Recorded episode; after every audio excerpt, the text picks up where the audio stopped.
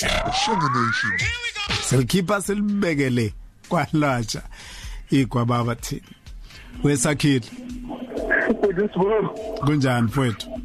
ngiyaphila ngiyaphila njani mfowethu Ngikhona mfowethu hey. Manje ngesikhathi usinikeza inombolo yakho waphambanisa inkomishi bafo. Cishe wangayithola leli thuba leli mfowethu. Hey futhi sibuya yazi nje amasho mfowethu ngishaya ngolunye uvalo nalapho ngizoyisho lezi namba ngisashaya uvalo ongakayiboni nalento ezifuna ukukhuluma ngayo Eh.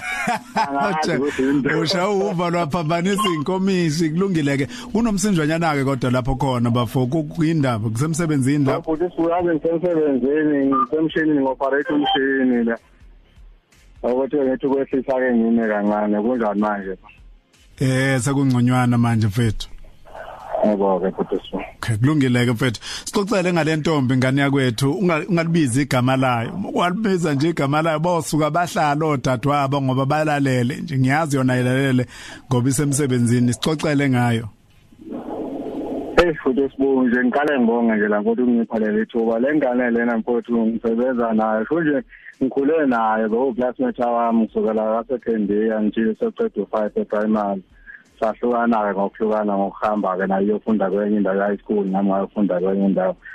Futhi sibuya nje benginothando la intombazane eziphethe kahle umuntu onesizotha enje manje hey futhi usibuku kuyasenda mfowethu ngiyayisaba ukuyitshela ukuthi ngiyayithanda yena ngiyayithanda futhi usibuku ngibona umakoti wakithi wakusasa laphana ikona konke. Kumina empilweni yami nje angazi ngingabeka ngithini futhi nakuyo angazi ngiyitshela kanjani ukuthi i-understand yonke lento engifisa uyibone kumina engiyibonayo kuyona kodwa kungalula ukuba iyibone njengabantu esiphila nabo la emhlabeni.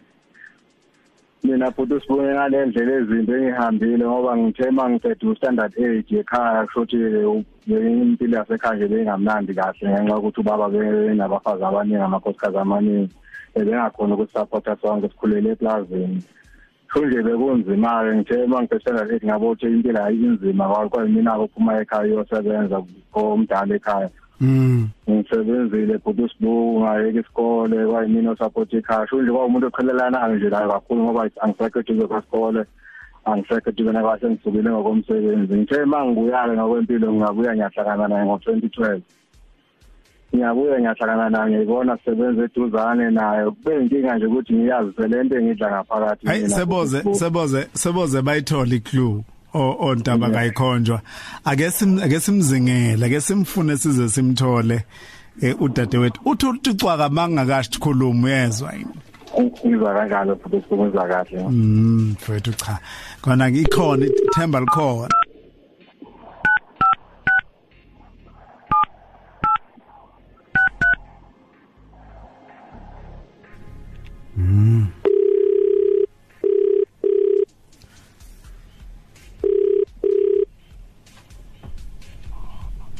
Hello. sawubona fezile So, Eh, kuse uErnest lo ke wakhuluma nawe phambilini esitolo sengubo la eThekwini um, Yebo sisi. Ubonje uthe uthe kule awukhumbula uvula iaccount la esitolo sethu emasontweni amabili adlule. yeah, Khona manje la kune ku- ku- kune account evuliwe enkwaba khona impahla ezithathwayo. Manje besilindele ukuthi ulindele payment yakho namhlanje njengoba kusuku lokuqala enyangeni. Are you sure ukuthi awazi ngempela kwenzekeni? ah, cha ngazi lutho nje. Awazi lutho. Okay. Ukuphi indawo khona manje? sebhizi. Emsebenzini. Oh, okay. Ukhona umuntu esike sakhuluma naye ngoba lo muntu ushiye ushiyena nama references la abantu esingase sibathinte mangabe ukuthi sifisa eh, uku angithi uyazi ukuthi mawusuku ugcwalisa lapha yana ama forms ke ku- kufake nabantu abama references your next of kin njalo njalo angithi uyakhumbula khona omunye futhi obhaliwe la usakhile Dlamini uyamazi Angimazi ko. awumazi qobo usakhile Dlamini. Okay kodwa us- usakhile Dlamini uthe angasakulekelele kulesi simo obhekene naso Hey, ayo buta angifunda uqamba mang angiyazi leyo account. Okay kulungile ke ngicela ukuthi ngicela ukumfaka usakhile ngoba uyena ozokwazi ukukusiza kulesi simo. Cha, buti azongisiza kanjani into engingayazi. kodwa phela ngithi ususenkingeni phela manje ngicela umnikeze ithuba usakhile sibone ukuthi sikusiza kanjani sinaye okay hayi buta ngifuna ukuqamba mangangiyazi qobo nje angiyazi. Okay sakhile? Kuze sibo. Kunjani? Ngiyaphila njani bo? Khona. Na nangu fezile siqale samthusa sathi kune account ayivulile esitolo sethu lapha ya uyambona ukuthi usethukile manje? Nokhululeka khululeka fezile khululeka fezile. Sikuphathela indaba ezimnandi empeleni. Uyajabula manje? Kwehla wehla umoya. Fezile? Fezile? Uselwehlile uvalo manje kancane. Ukuthi besik besikudlalisa nje cha unasikweletu. Selwehlile yebo ngiyeza Okay.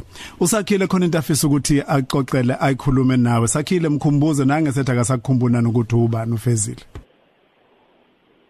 Fezilelo yebo? Konjani mntana womuntu ya ngiyaphila azi noma ngingakuzwa kahle ukhulumela phansi ngisaphile mina. Akukho engaqaza ngakho uyakazi kakhulu lapha ekhaya lapha kanjani. Lapha ngenhle enkulu. Sezile ngibe nesikhathi eside nawe mfowethu. Ngizamile ngayo yonke indlela. Ngibone ngisehluleki futhi ngithole umuntu ongeke aphinde azuze empilweni yakhe aphinde amthole umuntu ofana nawe. Sezile kimi ubalulekile umkhulu mfowethu ngize ngalakha lesinqumo ukuba ngicele mfowethu kubhuti usibuku ngingasisomboza ukuba bangikhulumele nayo mhlambe uyovela kuthi ngempela usaphila kayidlali nayo ukuze nomhlaba wonke mfowethu ukuthi angingoba ngoba ngidlala uma ngithi ngifisa ngempela kubo umakoti wasekhaya ezele ngiyakuthanda mntana womuntu ngifisa konke ngawo ukuthi ngoba ngingazi ukuthi ikuphi engampela engingafanele ngikusho noma kungafanele ngikwenze ukuze ngempela kusuke leyo kimi ongakukholwa noma uze ungikholwa ngempela ukuthi ngikuthanda konke kuyiqiniso phezulu. Sengikwenze konke ngokwami mfowethu angisenawo amandla kodwa kuthando kimi liyanqoba liyangidla sezini kana umuntu ngicela ngithelekise inhliziyo uvume inhliziyo yakhe ithambe ithambele mina. Ngiyafisa ukuba unkosikazi wakho ube umkhonyane wakho ube unkosikazi wami. Ngokuliqiniso nkosazana ngiyacela mabheni. Angazi ngathini mntana womuntu angazi ngingabeka ngaliphi ulimo yolizwe kodwa nje okubalulekile ngiyakuthanda phezulu ngenhliziyo yami yonke mntana womuntu. Ngila la nje ingawo ngoba ngifisa kuzo lonke izokwazi wonke umuntu ukuthi ngiyakuthanda phezulu ngiyafisa ukuthi futhi ngempela ube ngowami ngelinye ilanga. Ukuphi ngisemsebenzini. Usemsebenzini? Yazi ukhuluma lapha ngizazwakala mfowethu. Eh ngithi ukhuluma lapha ngizazwakala kisho sawungcono ma. Usemsebenzini pho? Akesi ubuza ukuthi ubuza ukuthi usemsebenzini na? Yebo usho njalo usemsebenzini wefezile. Kodwa umzwile eh, u- u- udaba lo lalibekile kuwena? Yebo ngizwile ulibeke ngendlela e- engenze nami nginga nginganazi nje nobabili. Kodwa ngabona ukuthi umuntu osuke emthanda ngempela umuntu okwazi eh, okokuqala ukuthatha isinyathelo ayofuna usizo ukutshela nje umuntu ukuthi uyamthanda. Uzokhumbula nje fezile ukuthi bangaka abantu abake bafike kuwena badlale kule- badlale ngaleli gama lothando. Abantu abakuthandayo abantu abangasalali nasebusuku kodwa yena ewumuntu okade kubuka sonke lesi sikhathi namhlanje uzothatha uzoqunga isibindi sokukutshela ukuthi unothando ol- olu- olungangalola selichazile kuwena ukuthi ukuthanda kangakanani. Usebuza ke kuwena ukuthi uyalwemukela yini? Ungakwazi ukwemukela lesi sicelo sakhe? Ayisazocabanga futhi. Usazocabanga eh kodwa kodwa ngiyazi ukuthi noma khona usazocabanga ngoba umuntu omaziyo futhi ombonile okhulele phambi kwakho. Uma bengathiwa nje awumchazi ubungamchaza ukuthi uyinsizwe enjani phakathi kweinsizwe ozaziyo? Hayi kona ngimazi lutho bhoto olubi kangako nje ngazi nje umfana nje okhulele khona la ngikhulele khona nami. Mm. Ngiyakuthusa kakhulu lokho akuveza namhlanje kokuthi kanti sonke lesi sikhathi uvalele imfihlo enkulu kangaka enhlizweni yakhe. akuthi ngoba bengingakulinde Mm. Mm. Kodwa ke ngaphambi ukuthi ngikudedele ngoba vele ngiyazi ukuthi ujahe emsebenzini nawe. Be- Bengingafisa ukuthi umshiye nento ezokwazi ukumnikeza ithemba. Ngiyazi ukuthi ushilo ukuthi usayocabanga kodwa ngibengingafisa umnikeze ithemba lokuthi noma usayocabanga kodwa umphumela wokucabanga kwakho uyoba muhle. Futhi ke uyomenza kwazi ukuthi athokoze ngoba unezifiso ezinhle ngawe. ungamnikeza leso sethembiso hayi futhi angathi ngenhlela ngifuna ukuqamba amanqawo ngithi ngisazocabanga Kodwa mina ngiyazi ukuthi ngesikhathi uyocabanga usuke ungayili ukuyocabanga ukuthi uvume noma ungavumi. Kusuke kuubheka nje izimo nezinto nesikhathi enisuke nikusona. Kodwa sengithi mina kodwa ukuzongenani umshiye nento ethi emva kokuthi ekwazile ukukutshela lemfihla nayo nokuwumuzo omuhle kangaka nokuyifisa ezinhle kangaka ayichazile akufisela zona. Ukuthi kodwa uyamthembisa ukuthi uyothuma usucabangile umnikeze impendulo eyomjabulisa yebo ngizokwenza njalo. Uyamthembisa lokho? Yes. Siyabonga kakhulu uyazafezile yebo ngiyabonga. uyazi mina ngikufisela ini? Ngikufisela ukuthi njengoba usumthembisile kungabibikho lutho oluzoma phakathi kwayo kwalento enhle yenu enihlanganisa enhle kangaka. Kungami udade wenu kungami mzala kungami umuntu kulento yenu. Bese ngithi kuwena sakhile. Ngiyacela ukuthi umnikeze 30 seconds nje fethu umnikeze amazwi okwemukela lesethembisa akunikeza sona ngoba kusona isethembiso esincane lesakunikeza sona isethembiso esikhulu. Ukwamukela nje ngenjabulo lesethembiso ufezile akunikeze sona. Eh, futhi sibonga kakhulu nje ngiqala ngibonga ukuthi isikhathi sakho nayo sincane kakhulu kodwa nje ngibonga siningi ngendlela engiziphe ngayo futhi.